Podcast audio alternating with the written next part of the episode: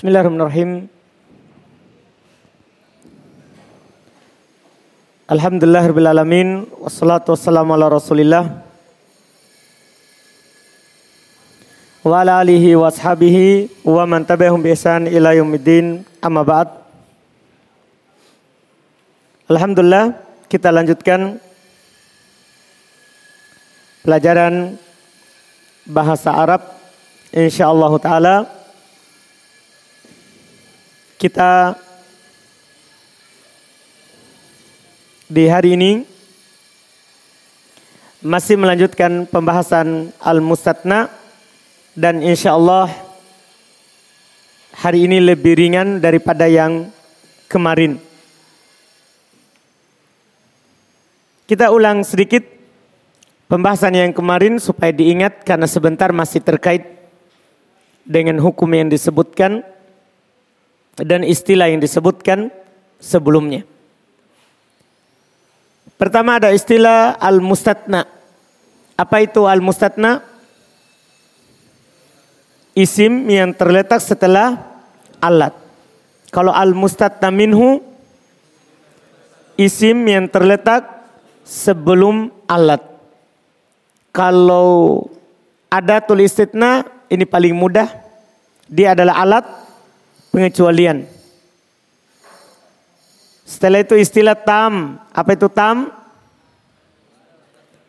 Dalam kalimat itu terdapat mustatna minhu. Ada istilah mujab. Apa itu? Kalimatnya tidak diawali oleh penafian. Ada istilah goir mujab. Diawali oleh penafian atau disebut juga dengan manfi. Terus ada istilah nakis. Apa itu nakis?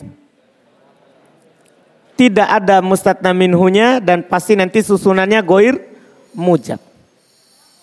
Ini istilah yang kemarin. Alhamdulillah antum sudah iya mengingatnya kembali. Dan insya Allah satu saat lagi antum akan ingat lagi. Karena kalau pelajarannya masih dalam bidang nahwu, yaitu membahas harokat akhir setiap kata, itu istilah diulang lagi. Iya. Kemudian kita kemarin sudah bahas isim yang terletak setelah illa. Isim yang terletak setelah illa. Yang mana isim yang terletak setelah illa itu dia memiliki tiga hukum. Ada hanya nas saja, paham kan? ada dia nasab atau apa? Hmm? Ikut setelahnya. Ikut sebelumnya. Ada hanya nasab dan ikut sebelumnya. Yang ketiga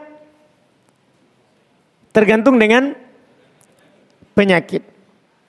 Yang disebut dengan ala hasabi al-awamil al hasabi al awamil sesuai dengan penyakitnya.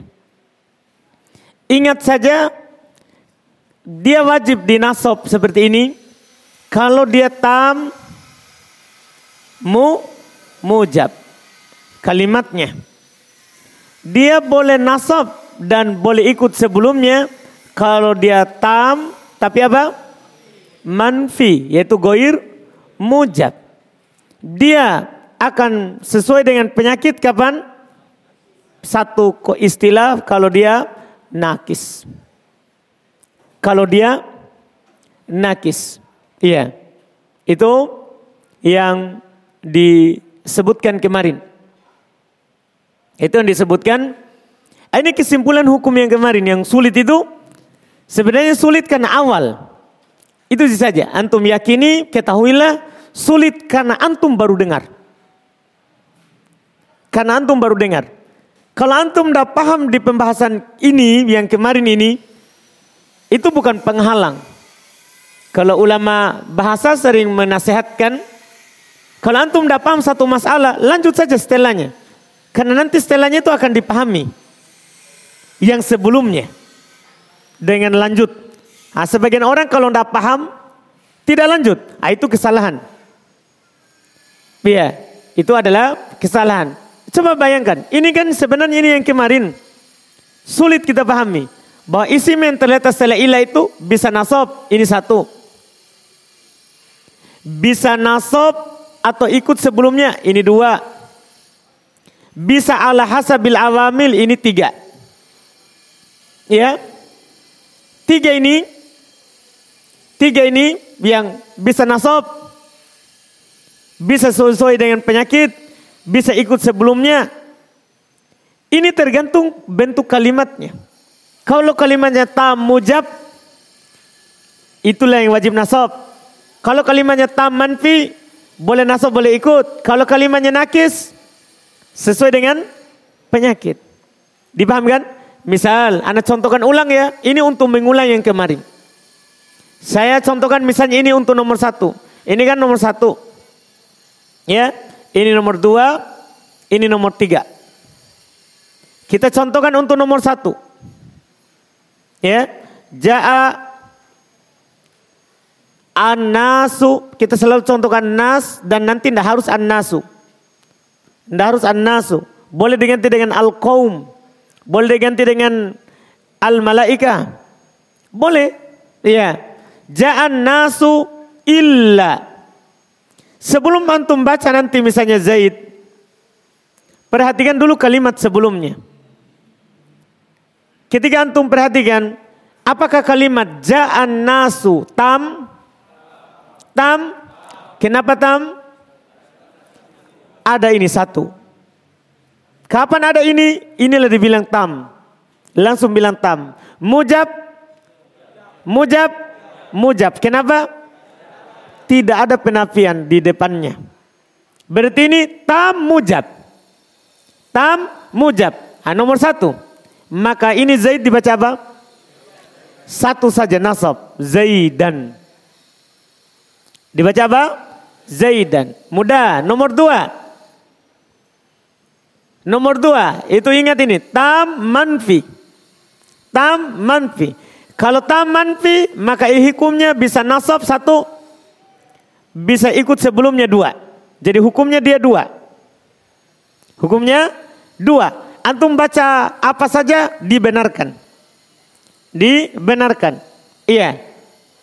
Contoh misalnya yang kedua, majaa al-qaumu maja al-qaumu illa bakr illa bakr Pertanyaan kita, bakr, apa bacaannya? Perhatikan dulu kalimatnya.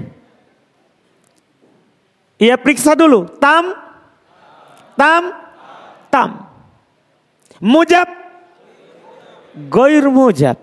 Kenapa goir mujab? Ada apa? Ada ini ma. Karena kapan ada ma berarti goir mujab. Demikian pula nanti kalau ada la, tidak harus ma.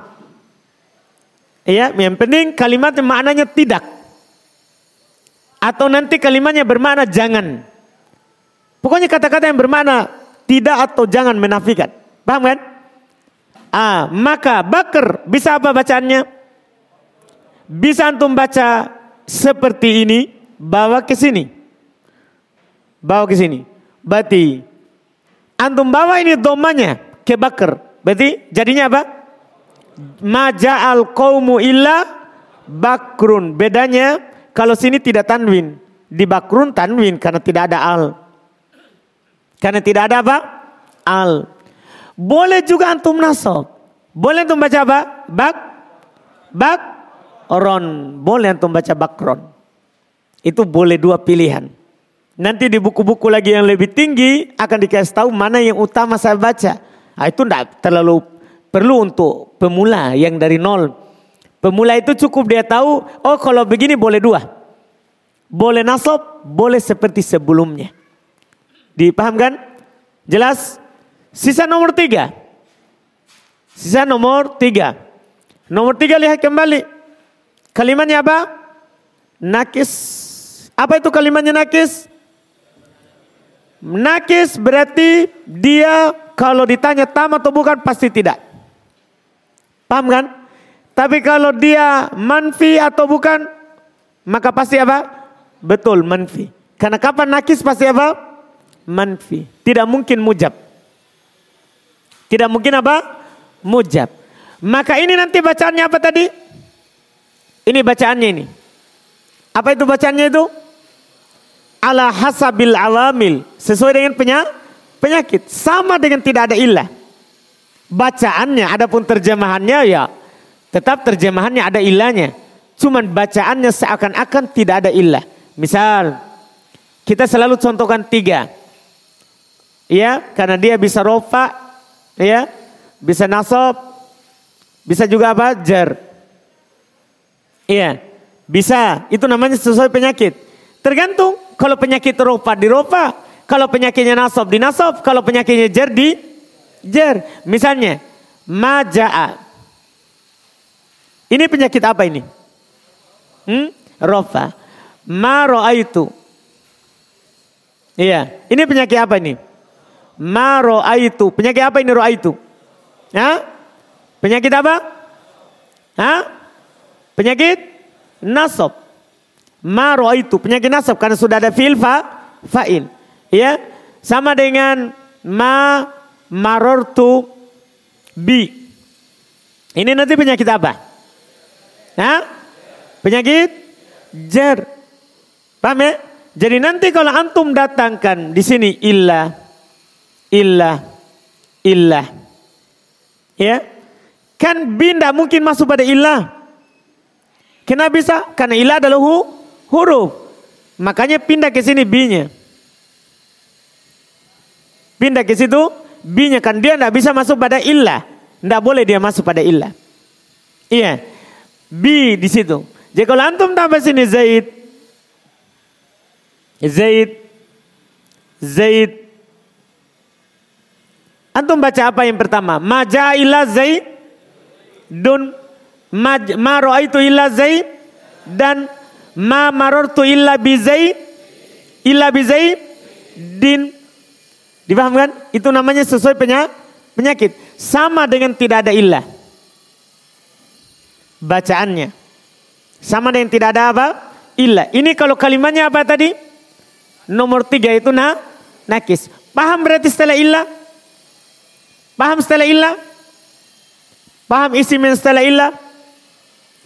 Saya tanya ulang. Isi min setelah ilah. Paham? Paham? Siapa yang belum paham kira-kira? Yang hadir terus tapi belum paham. Hadir juga kemarin.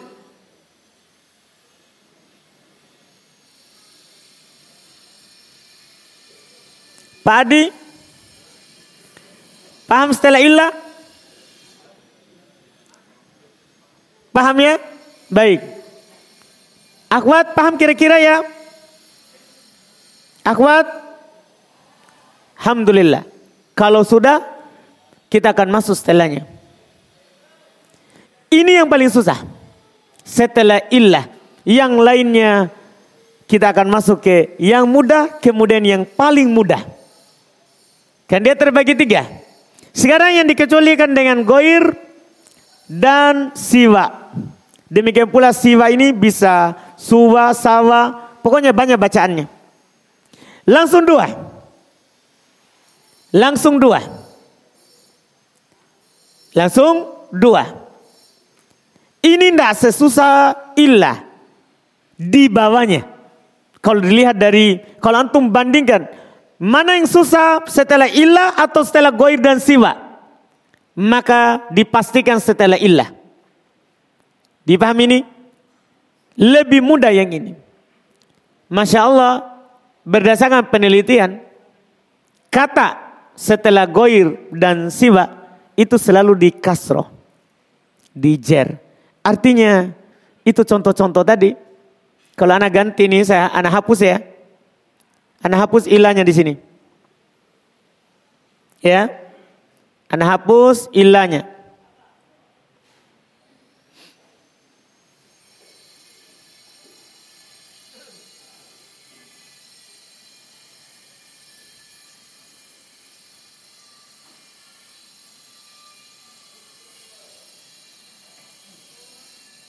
Iya. Anda hapus semua ilahnya. Ja'an nas Saya ganti dengan goir. Nanti goir bisa diganti dengan siwa.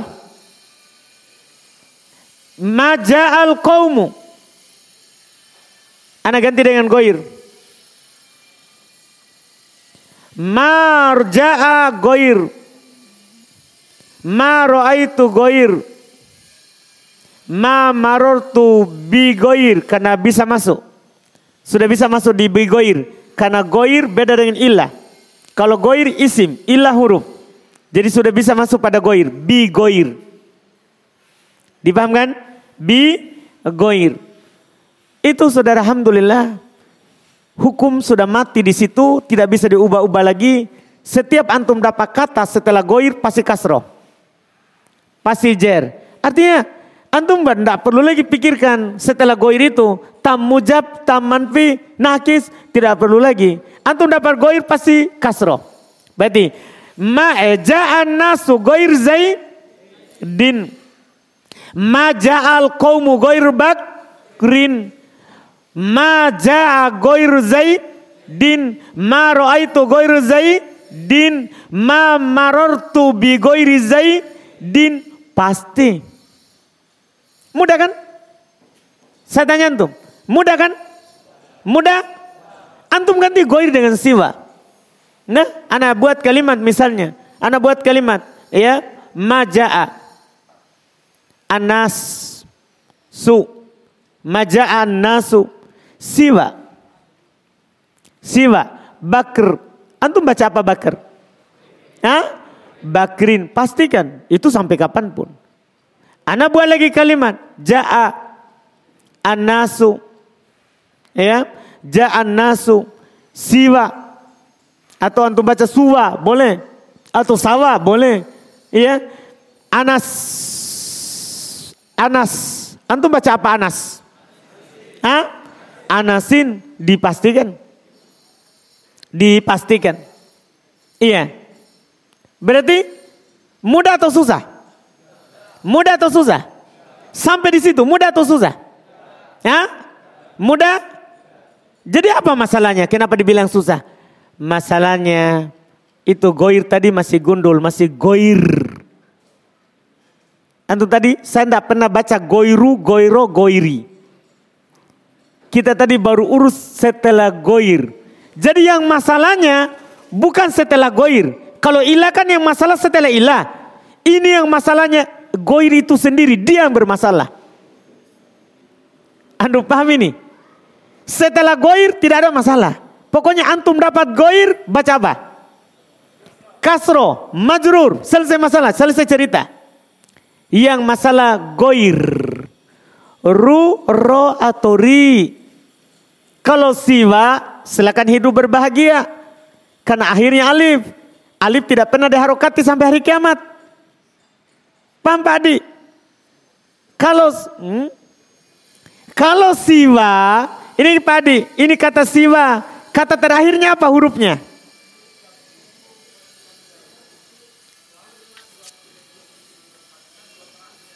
Ya.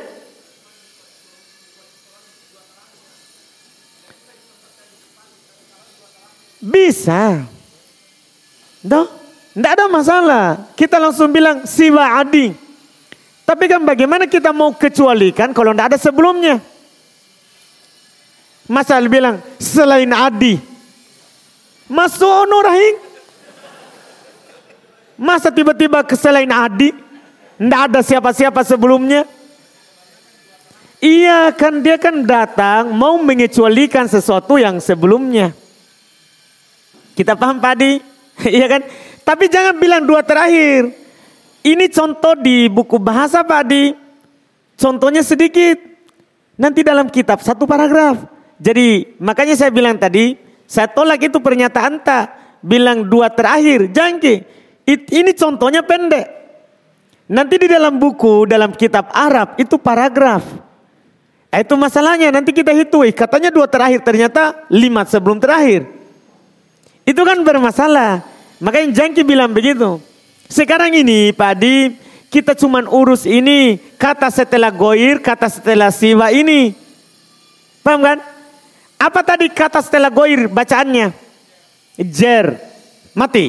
Itu sudah titik. Yang masalah apa? Goirnya. Dipahami nih? Tapi masalahnya tidak terlalu susah. Kenapa?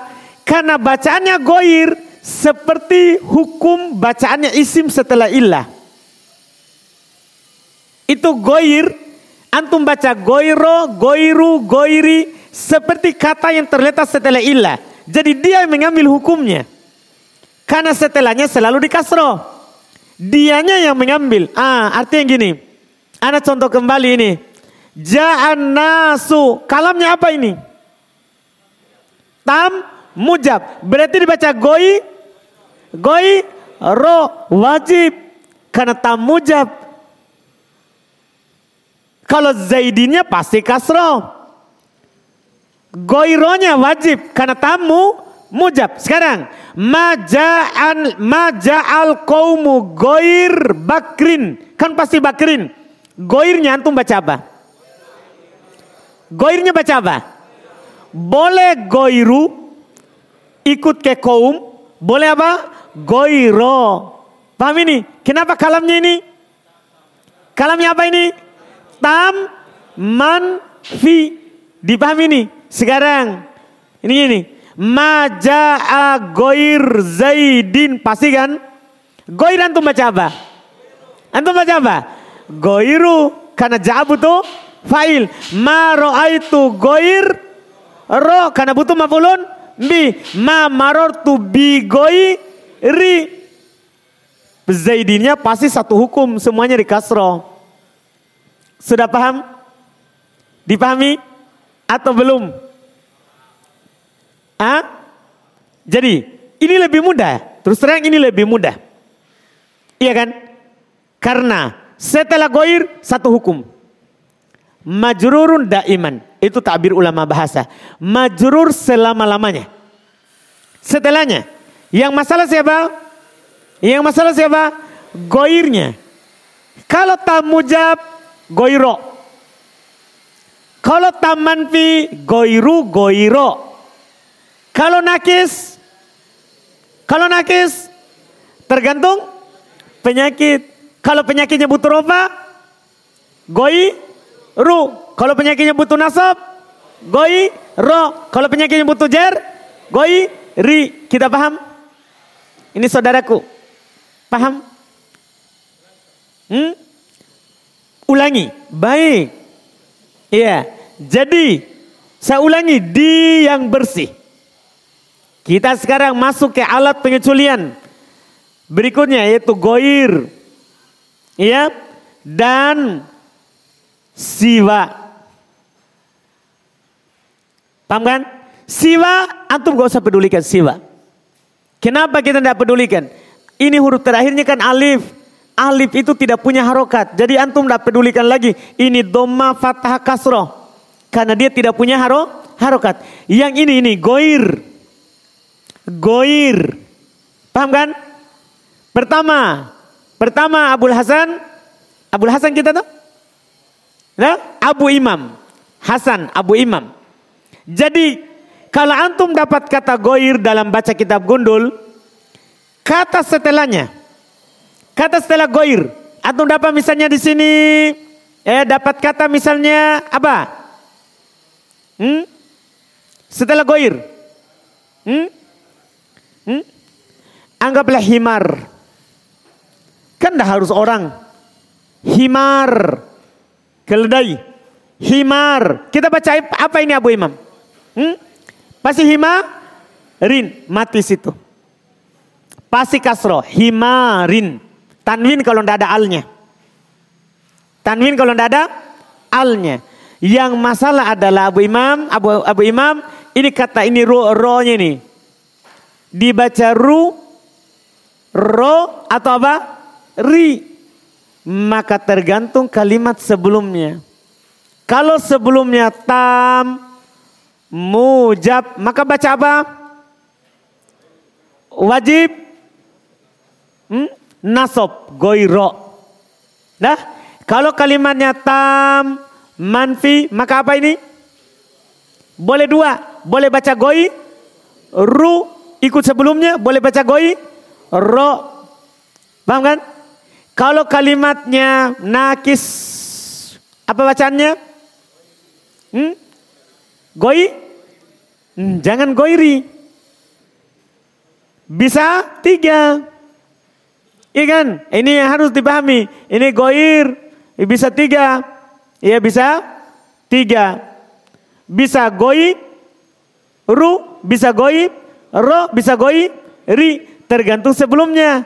Kalau sebelumnya rofa, maka dia di rofa. Kalau sebelumnya nasob, maka dia di nasob. Kalau sebelumnya ada jer, maka dia di jer. Kita pahami? Yakin? Yakin ini? Kita pak, yang kacamata. Tadi yang tidak ada kacamatanya. Kita paham ji? Yakin? Hmm? Yakin pak? Akhwat? Paham akhwat? Mantap. Selesai cerita. Iya, sisa tiga. Tiga, yaitu sisa ada, ya, khola, dan hasya. Tiga ini. Ini sekaligus. Ini paling mudah sedunia. Ini termudah sedunia. Iya. Ada khola hasya. Kenapa dia lebih mudah? Karena tidak perlu lagi antum perhatikan tam mujab, tam manfi, tidak peduli lagi. Kata setelah ada khola hasya boleh dua bacaan. Kalau antum dapat kata ada bakr. Ya, antum dapat kata khola bakr. Antum dapat kata hasya. Ya, dapat kata hasya. Ya, bakr. Maka selamanya boleh dua bacaan. Boleh antum baca fathah, bakron, boleh antum baca kasro, bakrin. Jangan takut. Ada bakron, ada bakrin. Khola bakron, khola bakrin. Hasya bakron, hasya bakrin. Boleh dua bacaan. Anda paham? Di mana pun antum dapat.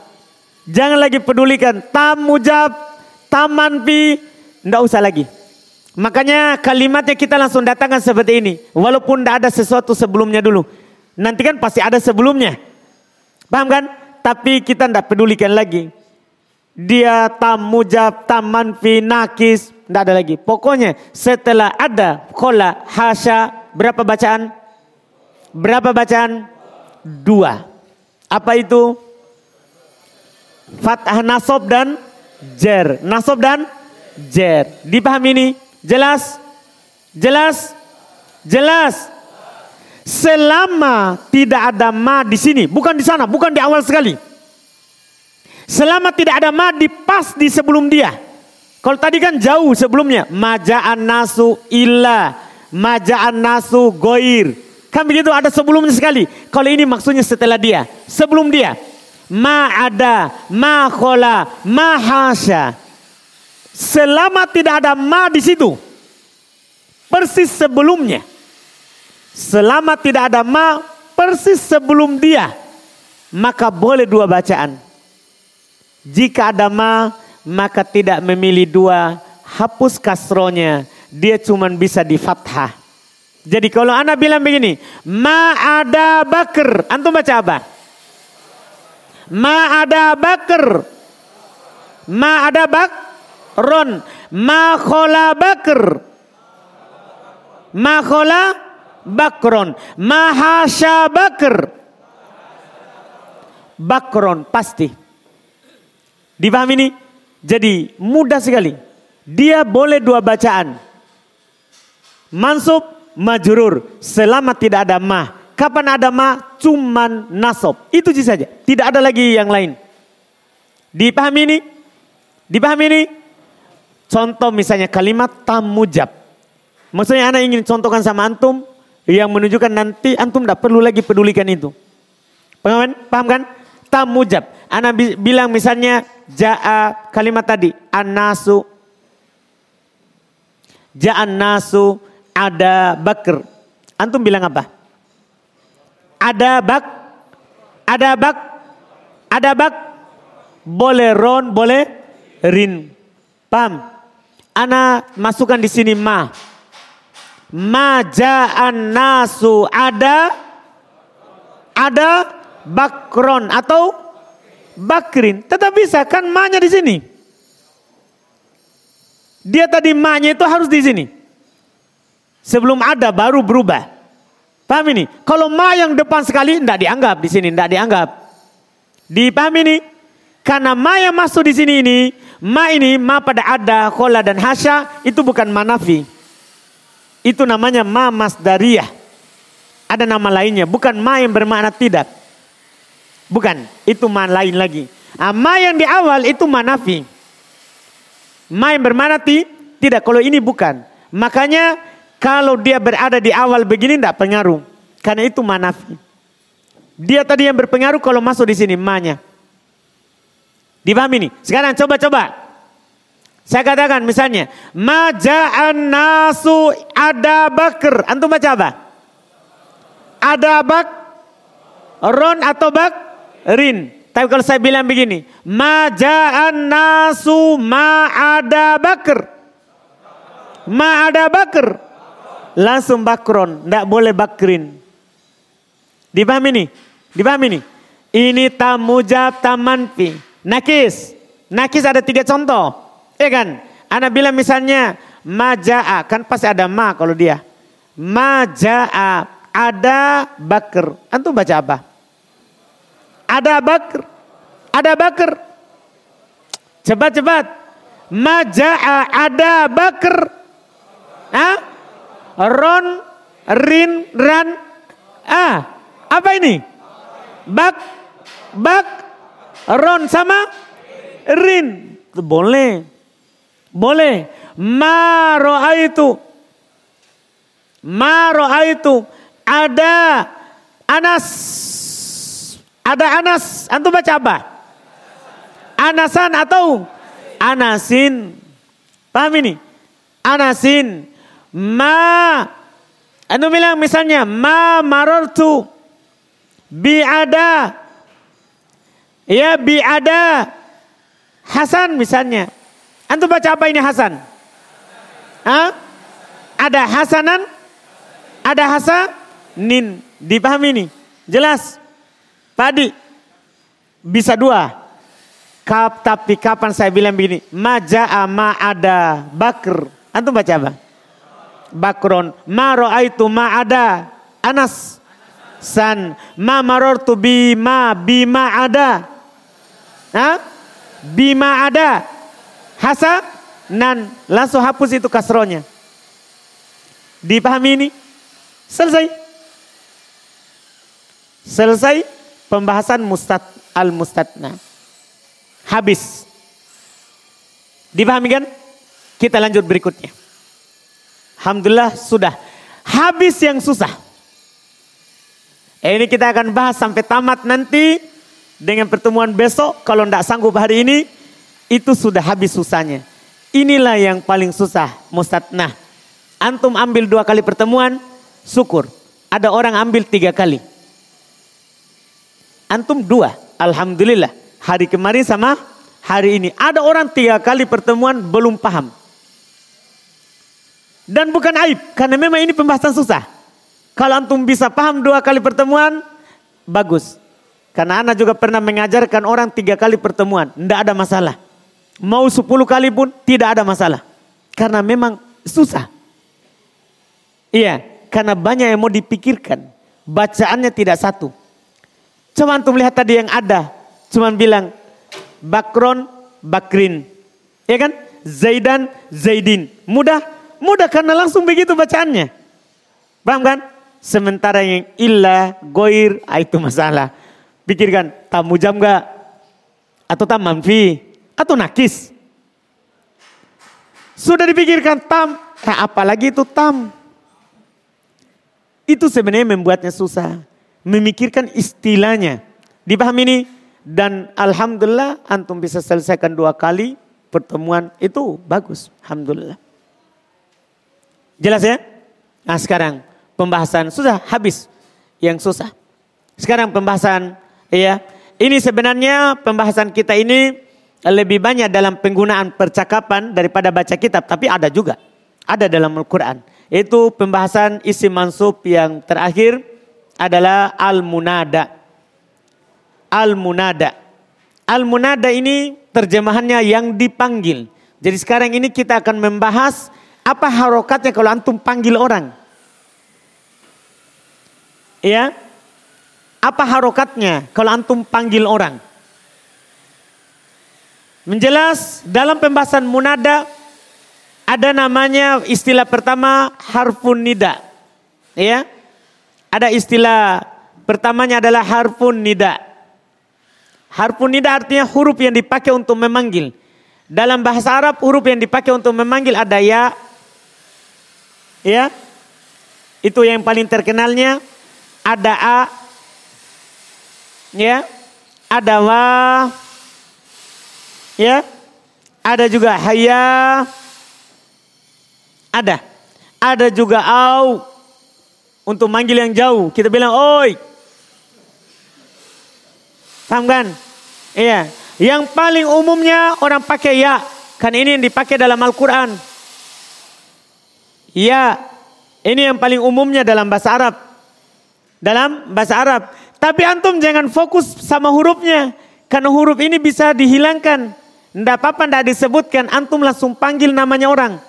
Berarti yang paling pokok bukan hurufnya. Karena huruf ini tergantung tempat. Tergantung daerah. Ya kalau di Arab bilang ya. Kalau kita, kalau yang dekat antum bilang apa? Anu. Kan kadang begitu. Iya kan? Yang jauh? Hah? Oi. Begitu ya? Kan makanya jangan diurus huruf nidanya. Kan itu terlalu banyak.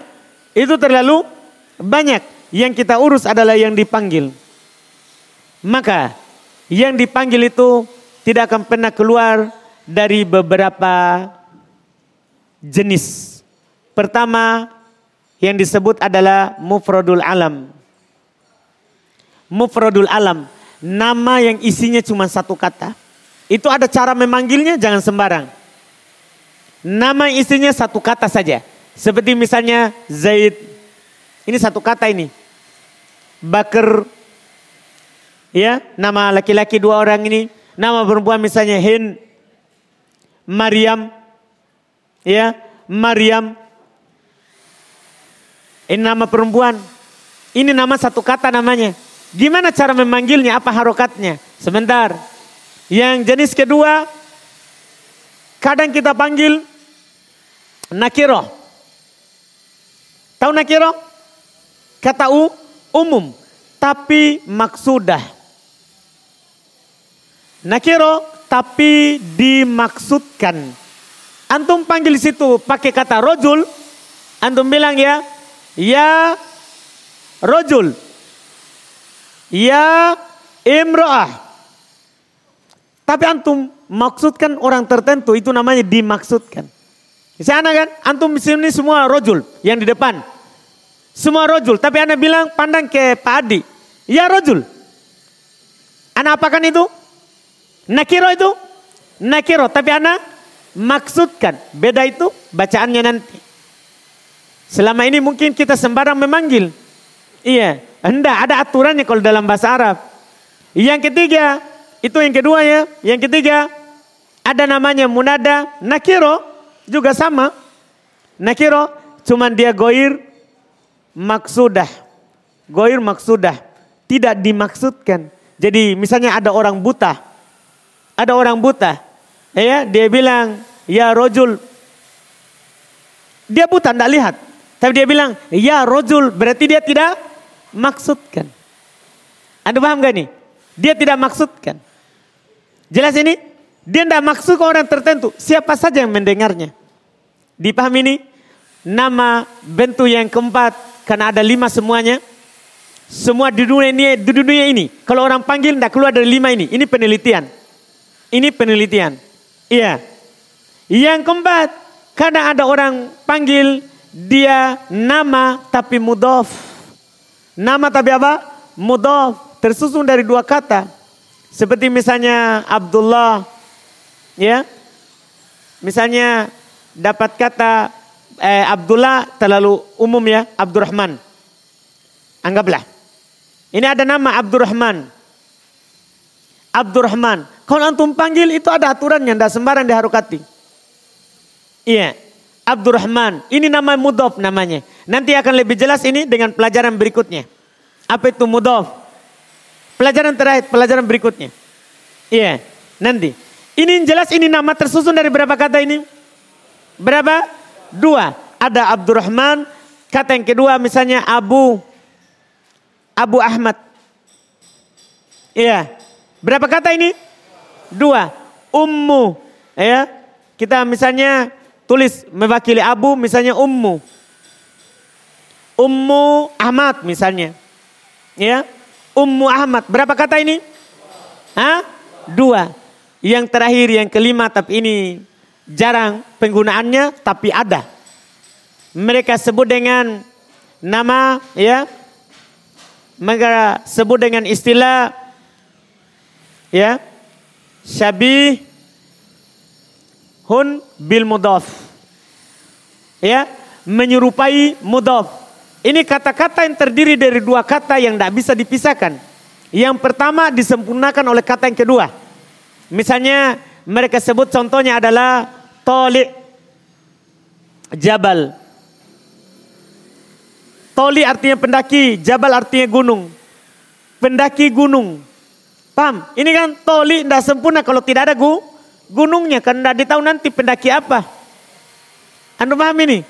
Jadi kan sempurna kalau ada gu, gunungnya. Toli, jabal, pendaki, gunung. Ah, kalau saya memanggil, saya tambahkan kata ya, gimana caranya? Sama dengan ini tadi. Saya tambahkan di sini ya. Iya. Di Abdurrahman, Anda tambahkan ya. Abu Ahmad, tambahkan ya. Ummu Ahmad, tambahkan ya. Gimana jadinya? Antum paham ini? Dipahami ini? Sekarang rinciannya. Supaya antum tahu cara memanggil. Rinciannya. Iya. Untuk nomor satu dan nomor dua itu. Untuk nomor satu dan nomor dua. Doma tanpa tanwin. Kalau antum panggil, hati-hati. Dia doma tanpa tanwin. Misalnya, Zaidun panggil. Masukkan ya. Zaidun. Zaidun. Bakrun. Bakrun. Hindun. Hindun. Maryamu. Artinya kalau sudah tidak ditanwin, ya Alhamdulillah kurang pekerjaan. Paham Adi? Yakin? Adiyun panggil. Hmm? Ya Adi? Ya Adi ya? Hmm. Kalau namanya cuma satu kata, doma tanpa tanwin. Doma apa? Ya Adi, Adiyu. Kan asalnya Adiyun. Dibilang apa? Ya Adiyu. Dipahami ini? Sama dengan nomor dua. Ini nomor dua. Kalau panggil antum maksudkan hati-hati Jangan nanti tiba-tiba merasa saya dipanggil. Pada lihat kalau dia tidak maksudkan tanwin atau tidak, doma atau tidak. Misalnya rojul, asalnya rojulun, ini rojulun. Kalau dia maksudkan doma tanpa tanwin. Berarti jadinya apa? Rojulun. Rojulun. Imro'atun. Imro'atun. Waladun. Waladun. Ah, kalau dia bunyinya begitu, oh jangan kita belok, ber, berbalik. Dia maksudkan orang tertentu itu. Paham? Karena nakiro yang dia mak, maksudkan. Tiga sisanya, ini tiga, empat, lima. Mansub. Mansub. Dipahami ini? Coba Tergantung alamat nasabnya. Kan kalau abdu alamat nasab isi mufrad ini. Alamat nasabnya apa? Fathah. Kalau abu asmaul khamsa alamat nasabnya apa? Alif. Ummu alamat nasabnya isi mufrad. Seorang ibu. Berarti fat, fathah. nanti toli isi mufrad. Kalau dia ditanwi kalau tidak ada alnya, kalau tidak ada mudhof. Paham? Ini toli. Iya. Pendaki tanwin fathah. Fathah, tolian, mansub. Tanwin, itu bedanya. Kalau tadi tidak tanwin.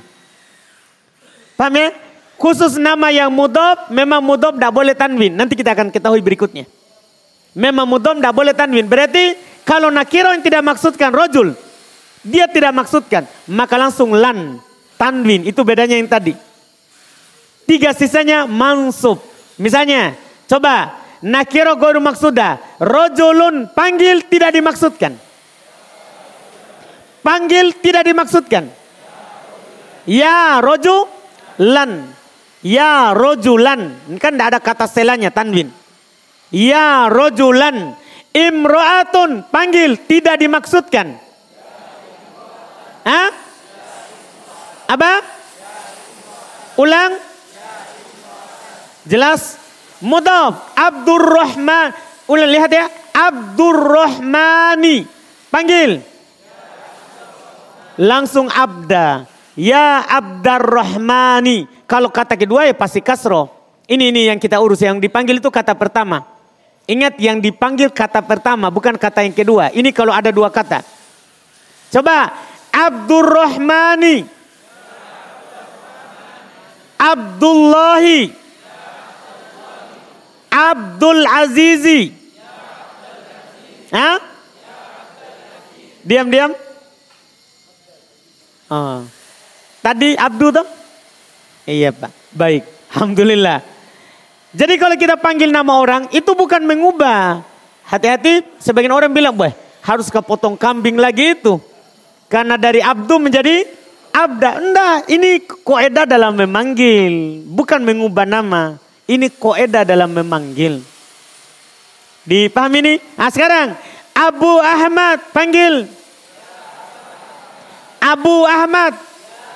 Langsung ya aba. Karena waw diganti menjadi a, alif. Kan asmaul khom, khomsa. Coba Abu Ahmad. Abu Ahmad. Abu Bakar. Abu Hurairah. Banyak itu di hadit? Banyak di hadit. Dipahamkan? Hmm. Ummu Ahmad. Ummu Ahmad. Ah? Umma langsung. Hati-hati akhwat panggil saudarinya.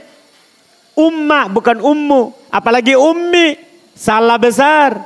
Sebagian orang panggil ummi. Iya itu kalau ada ya di belakang. Ya, kalau ada Ahmad di belakang, Ummu Ahmad salah kalau Ummi Ahmad. Salah, kalau memanggil ya pasti Umma Ahmad.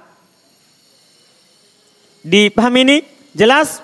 Jelas? Demikian pula yang terakhir ini. Dua kata juga. Toliun jabalun. Toliun jabalan. Kalau kita baca apa? Ya tolian. Langsung ya tolian jabalan. Sama dengan yang tadi. Pokoknya yang tersusun dari dua kata itu mansub. Tersusun dari dua kata itu hukumnya apa? Man? Mansub. Jelas? Jelas? Ini lebih banyak penggunaannya dalam kalimat biasa sehari-hari. Kalau yang ini. Iya, lebih banyak, lebih sering kita pakai. Karena sedikit-sedikit kita panggil. Sedikit-sedikit kita panggil orang. Iya, jelas ya? Sudah? Habis mansubat. Kita baca dulu sedikit, baru sepertinya nanti masih ada waktu kita baca setelahnya. Pokoknya tidak ada lagi yang susah. Sudah tamat, lewat susahnya. Beruntunglah orang-orang yang hadir hari ini. Karena dia menyaksikan lewatnya itu susah. Anda paham ini? Jelas? Baik, kita baca. Baru sebentar kita lanjutkan. Kita baca dulu supaya terpisah antara bab mansubat dengan setelahnya. Kemarin kita sudah baca hukmul mustatna biillah. Sudah ya? Sudah? Sekarang berikutnya. Hukmul mustatna bisiwa, suwa, sawa, goir. Hukum yang dikecualikan dengan siwa, suwa, sawa, goir. Lihat pernyataan di situ. Wal mustatna bisiwa, suwa, sawa, goir, majrurun daiman. Majrur selama-lamanya. Masya Allah. Hukumnya majrurun daiman. Majrur selama-lamanya. Itu saja. Pernyataan awal. Ya, wa goir terus wa amma eh, setelahnya ala annahu mudhafun ilai yaitu dia sebagai mudhafun ilai namanya. Adapun apa itu mudhafun ilai? Sebentar kita akan tahu mungkin kalau bukan sebentar besok. Apa itu mudhafun ilai?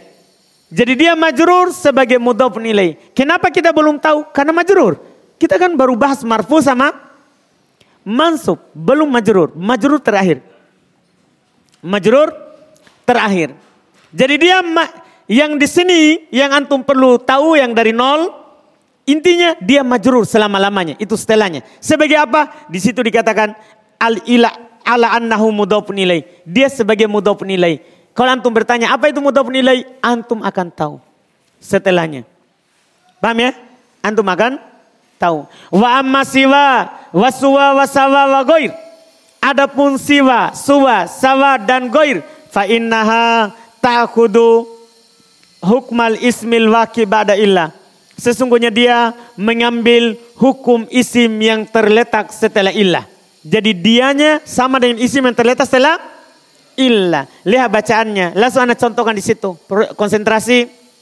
Komal kaumu tamujab. Komal kaumu tamujab. Berarti goi. Goi ro zaidin. Ma khorojan nasu. Tam mujab. Tam mujab. Taman. Manfi kan ada siapa? Ma. Ma khorojan nasu. Berarti bacanya berapa? Dua. Boleh. Goiro. Boleh juga apa? Goiru amrin. Kalau amrinnya pasti majrur. Iya. Yeah. Ma koma. Ah ini nakis. Contoh nakis ini. Anda tidak bilang lagi. Tamujab. Tam. Tidak perlu lagi karena sudah sebelumnya. Iya kan? Ini sekarang makoma nakis kan? Makoma dibaca apa? Goiru Zaidin karena butuh fa'il. Ma dorobtu butuh apa? Mafulun bi berarti dibaca Goiro Zaidin. Ma marortu bi goiri Zaidin pasti kan ada siapa? Huruf jer bi mudah. Berikutnya lagi hukmul musatna bi khola wa ada wahasya. Hukum yang dikecualikan dengan kola, ada, dan hasya. Ya, hukum yang dikecualikan dengan kola, ada, dan hasya. Lihat, al-mustatna bi kola wa ada wa hasya. Yang dikecualikan dengan kola, ada, dan hasya. Ya juzu nasbuhu wa jarruhu. Boleh dinasab, boleh dijer. Kan dua. Boleh dinasab, boleh dijer malam yattasil bima al masdaria selama tidak bersambung. Bersambung itu maksudnya terletak langsung. Selama dia tidak bersambung dengan ma masdariyah. Tidak bersambung. Bukan diawali. Selama tidak bersambung dengan ma masdariyah. Metel contoh. Komal kaumu khola zaidan zaidin. Komal kaumu ada amron amrin. Komal kaumu hasya bakron bakrin. Boleh Wa ida terakhir lihat wa ida ittasola bima al masdaria langsung ke bawah. Wa ida ittasola bima al masdaria wajaban nasbu. Dan kalau bersambung dengan ma masdaria wajib dinasab. Kalau bersambung dengan ma masdaria wajib dinasab. Wajib. Kalau tadi kan boleh pilih. Ini wajib nasab. Hukumnya. Misal contoh Komal kaumu ma khola zaidan wajib. Komal kaumu ma ada amron wajib. Dipahami ini? Jelas? Selesai. Berikutnya al-munada. Al-munada huwal matlubu ikbaluhu biya au ihda akhwatiha. Munada adalah yang diinginkan kedatangannya dengan menggunakan ya atau salah satu saudaranya, saudarinya. Kan kalau antum panggil berarti antum mau dia dah datang. Namanya manggil. Ya kan? Ketika Anda bilang, wahai Zaid, kan antum panggil dia. Jelas kan? Itu namanya munada. Yang antum panggil, itu bahasa kitanya. Bahasa Arabnya, huwal matlubu ikbaluhu biya au ihda akhwatiha. Dia adalah yang diinginkan kedatangannya dengan menggunakan ya atau salah satu dari saudarinya. Lihat, al-ahruful lati yunada biha hiya. Huruf-huruf yang dipakai untuk memanggil dengannya dia adalah ya, a, ai, aya, haya. Silakan tambah daerah masing-masing. Paham kan? Dan itu tidak terlarang. Memang disebutkan dalam buku bahasa. Tergantung, alat memanggil itu banyak. Tergantung daerahnya mana. Cara memanggilnya pakai huruf apa, itu macam-macam. Ada penggunaan untuk jauh, ada penggunaan untuk dekat. Paham ya? Ini yang disebutkan. Terus, wayang kosimul munada ila sati aksam. Ini yang anak tulis tadi. Al munada yang dipanggil terbagi menjadi lima. Ini saudara berdasarkan penelitian. Para ulama bahasa alhamdulillah meneliti. Di dunia ini kalau orang panggil tidak keluar dari lima ini.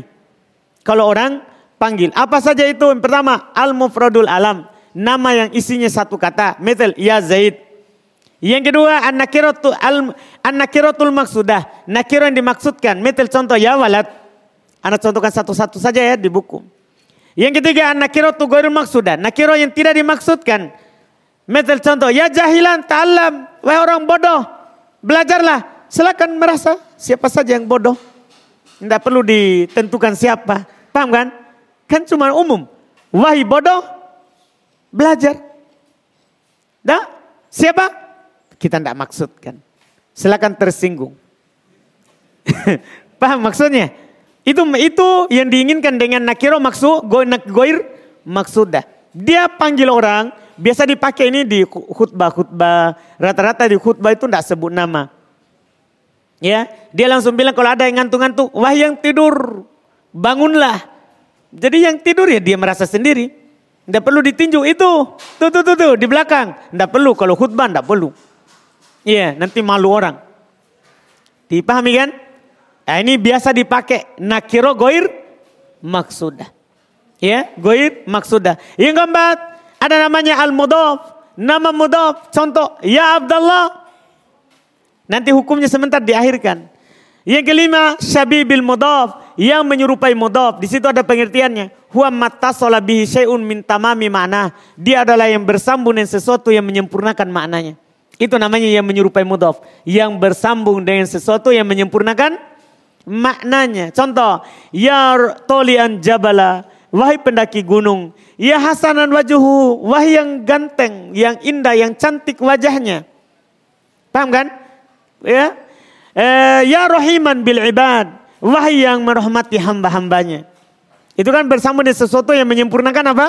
Maknanya, sisa hukumnya. Setelahnya, am wa amma hukmul munada. Anak sendirikan ya supaya tersatukan hukumnya. Adapun hukum yang dipanggil.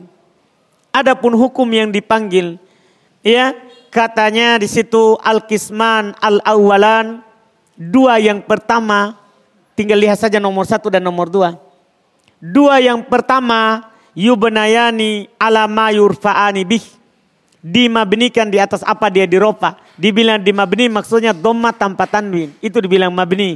Kan isi mabni itu tidak ada yang di tanwin. Itu takbirnya. Doma tanpa tanwin dimabnikan di atas apa dia dirofa qoblal munada sebelum dipanggil wassalah satu bakia tiga sisanya yaitu tiga sampai lima mansubatun lagoir mansub tiada lain mansub tiada lain alhamdulillah selesai sembilan isim yang mansub selesai sembilan isim yang mansub kita lanjut lagi ya supaya besok ringan ya lanjut Lanjut, ringan, mudah ya insya Allah. Karena bab berikutnya, lihat babu majrorotil asma. Bab isim-isim yang dijer. Ini adalah pelajaran yang termudah yang pernah antum lewati insya Allah. Selalu anak bilang termudah ya. Ya kita kan tafaul. Tafaul itu kita selalu menganggap sesuatu itu mudah. Jangan masuk mengkerut sedikit langsung. Itu kita persulit diri kita. Dipahamkan? Dan memang terus terang ini paling mudah. Saya tidak bohong. Bab isim-isim majrur. Isim yang majrur itu Masya Allah Alhamdulillahnya. Dia isim yang majrur itu cuman ada dua. Tidak ada yang ketiga. Jadi yang marfu berapa? Tujuh. Yang marfu. Yang mansub sembilan. Majrur dua. Paham ini? Dua saja. Jadi sedikit. Cuma kenapa masih ada besok padahal bisa jadi hari ini dua? Karena ada lagi pembahasan penutup. Yang mengikuti itu yang marfu, mansub, majrur. Makanya perlu besok. Tidak bisa hari ini. Iya. Ada pembahasan penutup. Ah, ini ini bab terakhir. Dalam tahap terakhir. Isim yang dijer. Dia terbagi dua. Yang pertama ada majrur bi harfi al jari. Ada yang dijar dengan huruf jar. Ini paling mudah. Satu detik selesai. Majrur dengan huruf jar maksudnya kalau ada min dan saudari-saudarinya sudah jar. Misalnya Zaid masukkan min. Zaid masukkan min. Bi. Ka. Ka. Ka. Fi. Ganti. Bait. Bait. Kita ganti bait ya. Bait min min bi fi li selesai. Habis huruf majrur dengan huruf jar. Anda paham ini? Selesai? Habis. Ini paling mudah sedunia. Di jar dengan huruf jar. Antum tinggal pikirkan apa saja itu huruf jar. Huruf jar ada 20. Itu ji saja. Sedikit ji. 20 saja. Kapan ada ini 20? Selesai setelahnya majrur. Anda bisa paham ini?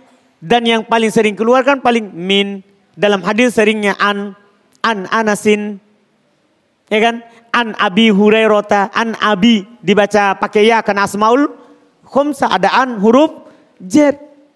Kan paling selesai. An umaro. Kenapa fathah? ismul ladil sorif. Majrur yang tanda apa? Fathah. Masuk huruf jar an. An umaro. Paham kan? Iya. An Aisyata. Kenapa an Aisyata? Majrur dengan tanda apa? Fathah. Karena dia ismul ladhi lansor. Selesai kan? Habis. Yang kedua. Jenis yang majrur yang kedua adalah majrur karena adanya mudof majrur karena adanya apa? Mudof. Ini jenis yang kedua. Ini yang eh, lumayan karena ada syaratnya. Cuman mudah sekali. Yang penting antum paham syaratnya. Jadi majrur dengan mudof itu atau yang disebut dengan eh, sebagian ulama bahasa adalah dengan kata al-idofah. Al-idofah. Al-idofah artinya penyandaran antara dua isim. Saya ulangi. Idofa itu artinya penyandaran dua isim. Dipahami ini? Jadi ada dua isim saling bersan, bersandar. Yang pertama bersandar kepada yang kedua. Mewajibkan di kasro atau di jer yang kedua. Jadi yang wajib di kasro atau di jer itu yang kedua, bukan yang pertama. Paham ini? Misalnya, itulah idofa. Penyandaran antara dua isim yang mewajibkan di jer yang kedua. Contoh begini, ada kata kitab, bun. Ada kata kitab, terus ada kata Zaid. Antum mau sandarkan ini kitab ke Zaid. Kitabnya Zaid. Antum mau sandarkan itu kitab ke Zaid. Ketika antum sandarkan kitab ke Zaid, wajib dijer yang kedua. Saya tulis. Ya, kitabu Zaid. Ini Zaid wajib dikasroh. Adapun kitabu bisa kitabu, bisa kitabah, bisa kitabi. Karena yang yang dijer adalah yang ini yang kedua. Bukan yang pertama. Ini penyandaran antara dua isim yang mewajibkan dijer yang kedua. Perhatikan itu. Yang mewajibkan dijer yang kedua. Dipahami ini? Jadi yang mana yang dijer? Yang mana yang dijer? Yang kedua. Adapun yang pertama tergantung penyakit sebelumnya. Kalau ada penyakit ropa, domah. Paham ini? Kalau antum masukkan ja di sini. Antum bilang apa? Ja'a kitabu Zaidin. Masukkan roa itu. Roa itu kitaba Zaidin. Maror tubi. Maror tubi kitabi Zaidin. Zaidinnya ini. Adapun kitab bisa bu babi. Tergantung penyakit lagi sebelumnya. Jadi yang wajib dijer itu kata kedua. Antum paham ini? Yang wajib dijer itu kata ke berapa? Kedua. Dipahami ini. Ah, kata-kata ini ada namanya. Itu kata pertama itu disebut dengan nama mudof. Itulah mudof, itu kata pertama. Jadi kitabu Zaidin. Kitabu apa namanya? Kitabu apa namanya? Mudof. Sementara kata kedua namanya mudofun ilai. Inilah yang kita sebut dari tadi, mudofun ilai. Jadi kata kedua disebut dengan mudofun ilaihi. Itu kata kedua. Misalnya, kitabu Zaidin. Kitabu apa namanya? Mudof. Zaidin Itulah yang tadi yang dijer setelah goir. Itu setelah goir itu kan dijer. Kenapa dijer tadi? Sebagai mudofun ilai. Karena mudofun ilai wajib dijer. Karena mudofun ilai wajib dijer. Dipahami? Dipahami? Dipahami? Ah, kalau antum paham sudah namanya, jadi kata pertama misalnya, anda dapat ya, antum dapat kata yang sering juga ya, Abdul Abdullahi. Abdullahi. Kenapa ini Abdullahi? Bukan Allah atau Allahu. Kenapa? Ini kan terjadi penyandaran antara berapa isim? Abdu isim, isim, Allah isim, isim. Berarti terjadi penyandaran dua isim. Kalau begitu yang kedua wajib di dijer. Makanya Abdullahi. Kalau ada orang bernama Abdullahu salah nama tak. Eh bapakku kasih, ndak belajar nahwu. Kerentara kelihatan. Berarti bapak tak dulu tidak belajar nahwu. Coba kita tanya. Paham gak ini? Karena kata keduanya wajib di kasro. Dipaham ini? Ah, abdu apa namanya? Mudob. Allahi apa namanya? Ah, sekarang tinggal pelajaran terakhir sebagai penutup untuk mudob ini. Itu mudob saudara. Kata mudob. Itu tidak boleh ditanwin. Kalau ada kata sebagai mudof tidak boleh ditanwin. Tidak boleh ada dua domanya, dua fathahnya atau dua kasronya. Tidak boleh. Jadi misalnya kalau kita bun itu kan asalnya. Antum mau sandarkan kepada Allah. Hapus tanwinnya. Langsung kita bu. Paham ini? Namanya mudof tidak boleh di tanwin. Tahu tanwin ya? Dua doma, dua kasro, dua fat, fathah. Tidak boleh. Kalau dia berupa isim mutanna, misalnya kan kadang mudof itu bisa berupa isim mutan mutanna, iya kan? Misalnya antum katakan ya kita bani, kita bani. Ini isim apa ini? Isim apa? Mutanna. Antum mau sandarkan dua kitab kepada Zaid. Antum mau masukkan di sini Zaid. Kalau isim mutanna wajib dihilangkan nunnya. Kan kalau ada tanwinnya wajib hilang tanwin. Isim mutanna wajib hilang nun. Makanya alamatnya isim mutanna itu bukan nun. Karena nun bisa hilang. Alamatnya adalah siapa? Alif. Maka dibaca apa kalau disandarkan? Ulang, lihat. Kita bani Zaid. Baca, sandarkan. Kita ba Zaid. Demikian pula jama mudakar salim. Kan yang ada nunnya kan dua. Isim mutanna dan jama mudakar salim. Jama mudakar salim juga. Ketika disandarkan antum hilangkan nunnya. Tidak boleh ada. Misalnya ya, antum dapat kata ya mu'minu. Mu'minu dapat kata misalnya mu'minuna. Dapat kata mu'minuna. Mu'minuna. Ya, antum sandarkan nanti kepada kata Al-Madinah. Al-Madinah. Mu'minnya Madinah. Antum bilang apa? Mu'minu Al-Madinah di kan ini wajib dikasro kan? Ada paham ini? Wajib di jar yang ininya.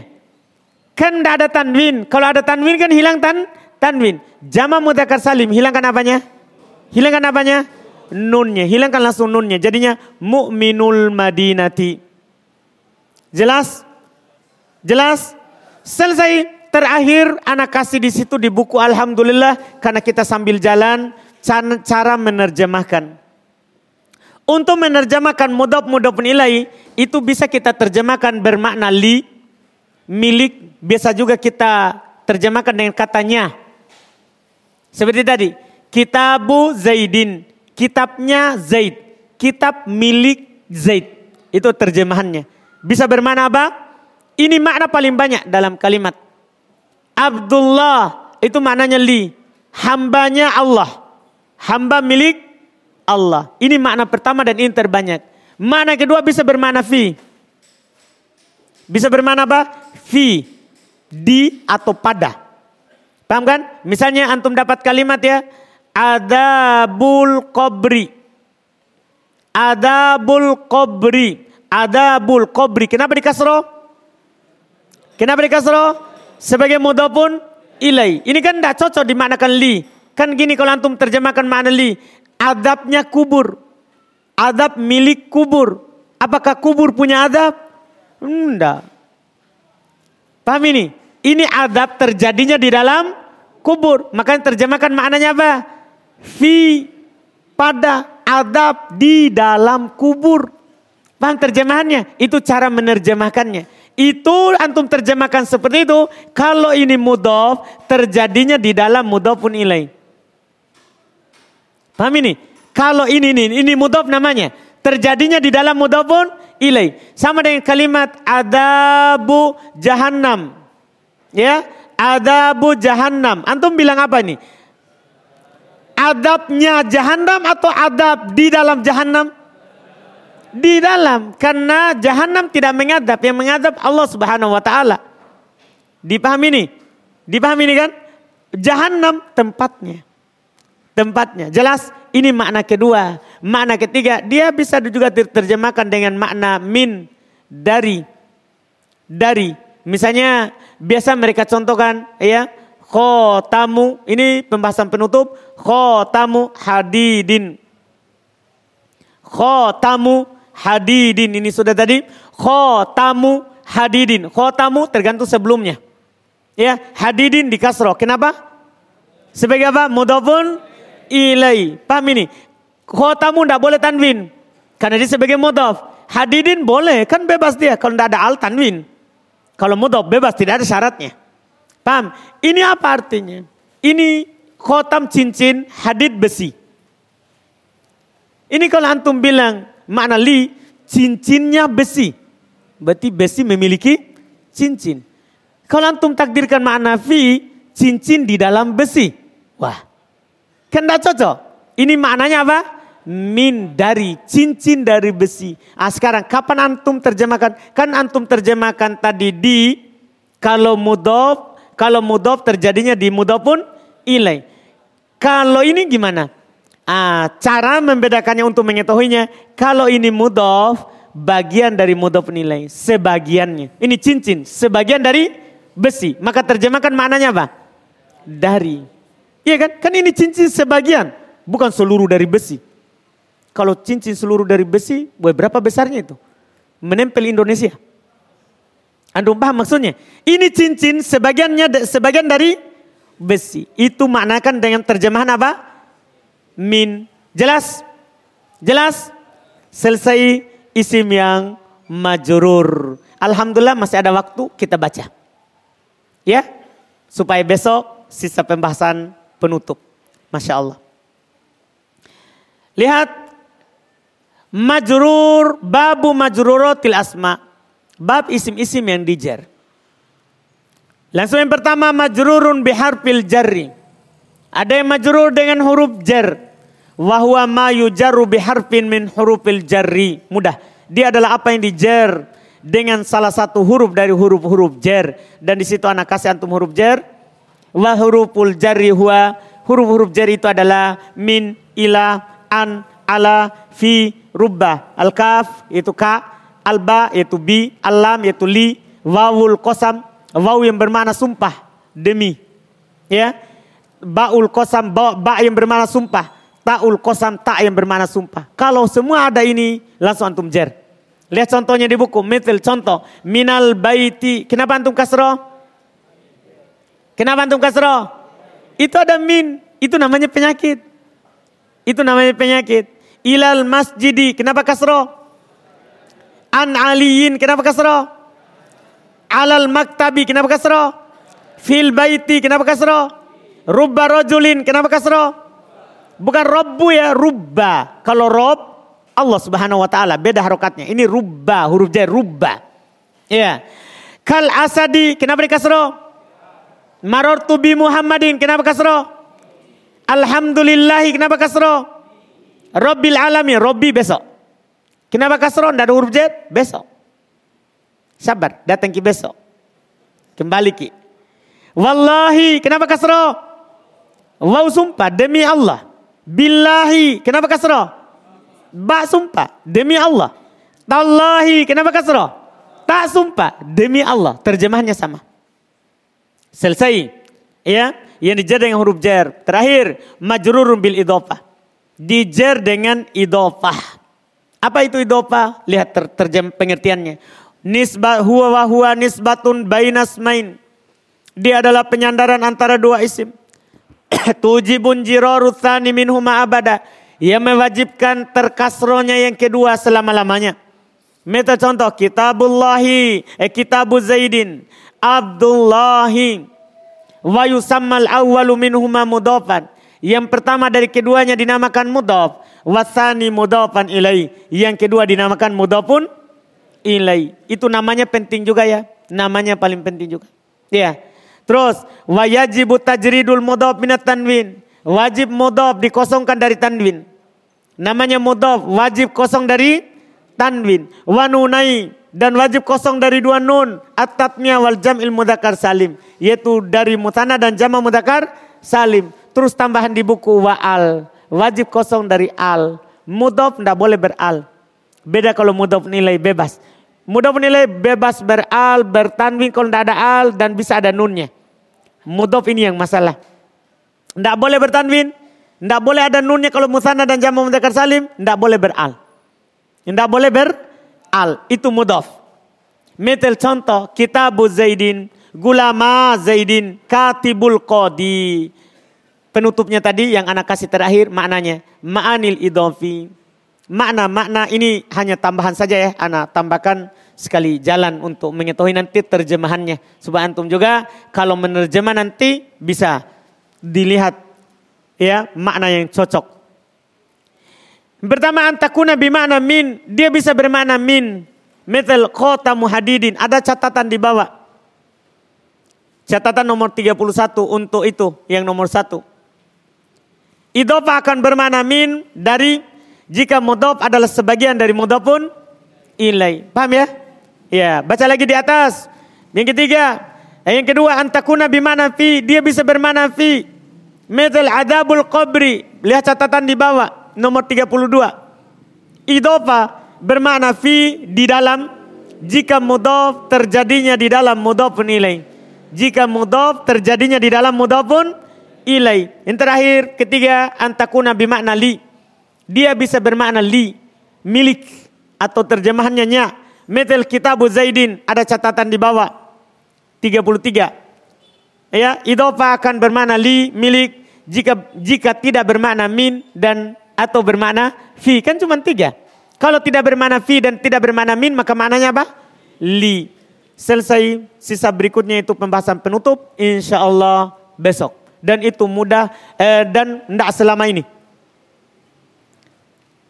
Tidak, selama yang kita ambil berapa kali pertemuan ini. Ini kan kita selalu sampai jam 5 lewat. Paham kan?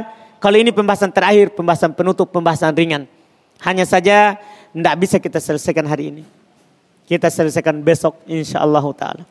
Antum hadir besok ya pertemuan terakhir. Iya insya Allah. Apa pun yang terjadi hadir. Iya kalau ada istri halangi. Baik terakhir ini. Terakhir ini. Iya. Bisa saja saya tidak ketemu lagi. Dengan nahwu. Iya kalau kamu bisa saya ketemu. Iya kan? Iya, kan bisa di surga kalau sama istri. Kalau sama-sama taat, cinta karena Allah, kan bisa surga. Kalau nahwu, mau ketemu di mana? Kan begitu. Jadi hadir ke besok. Sebagai penutup. Nah, yang belum hadir juga sebelumnya, ajak hadir besok. Supaya dia menghadiri penutup. Tidak ada jadi kasih apa-apa. Iya. Cuma Alhamdulillah sempurna kalau kita bisa selesaikan. Kita cukupkan. Alhamdulillah subhanakallah hamdik asyhadu la ilaha illa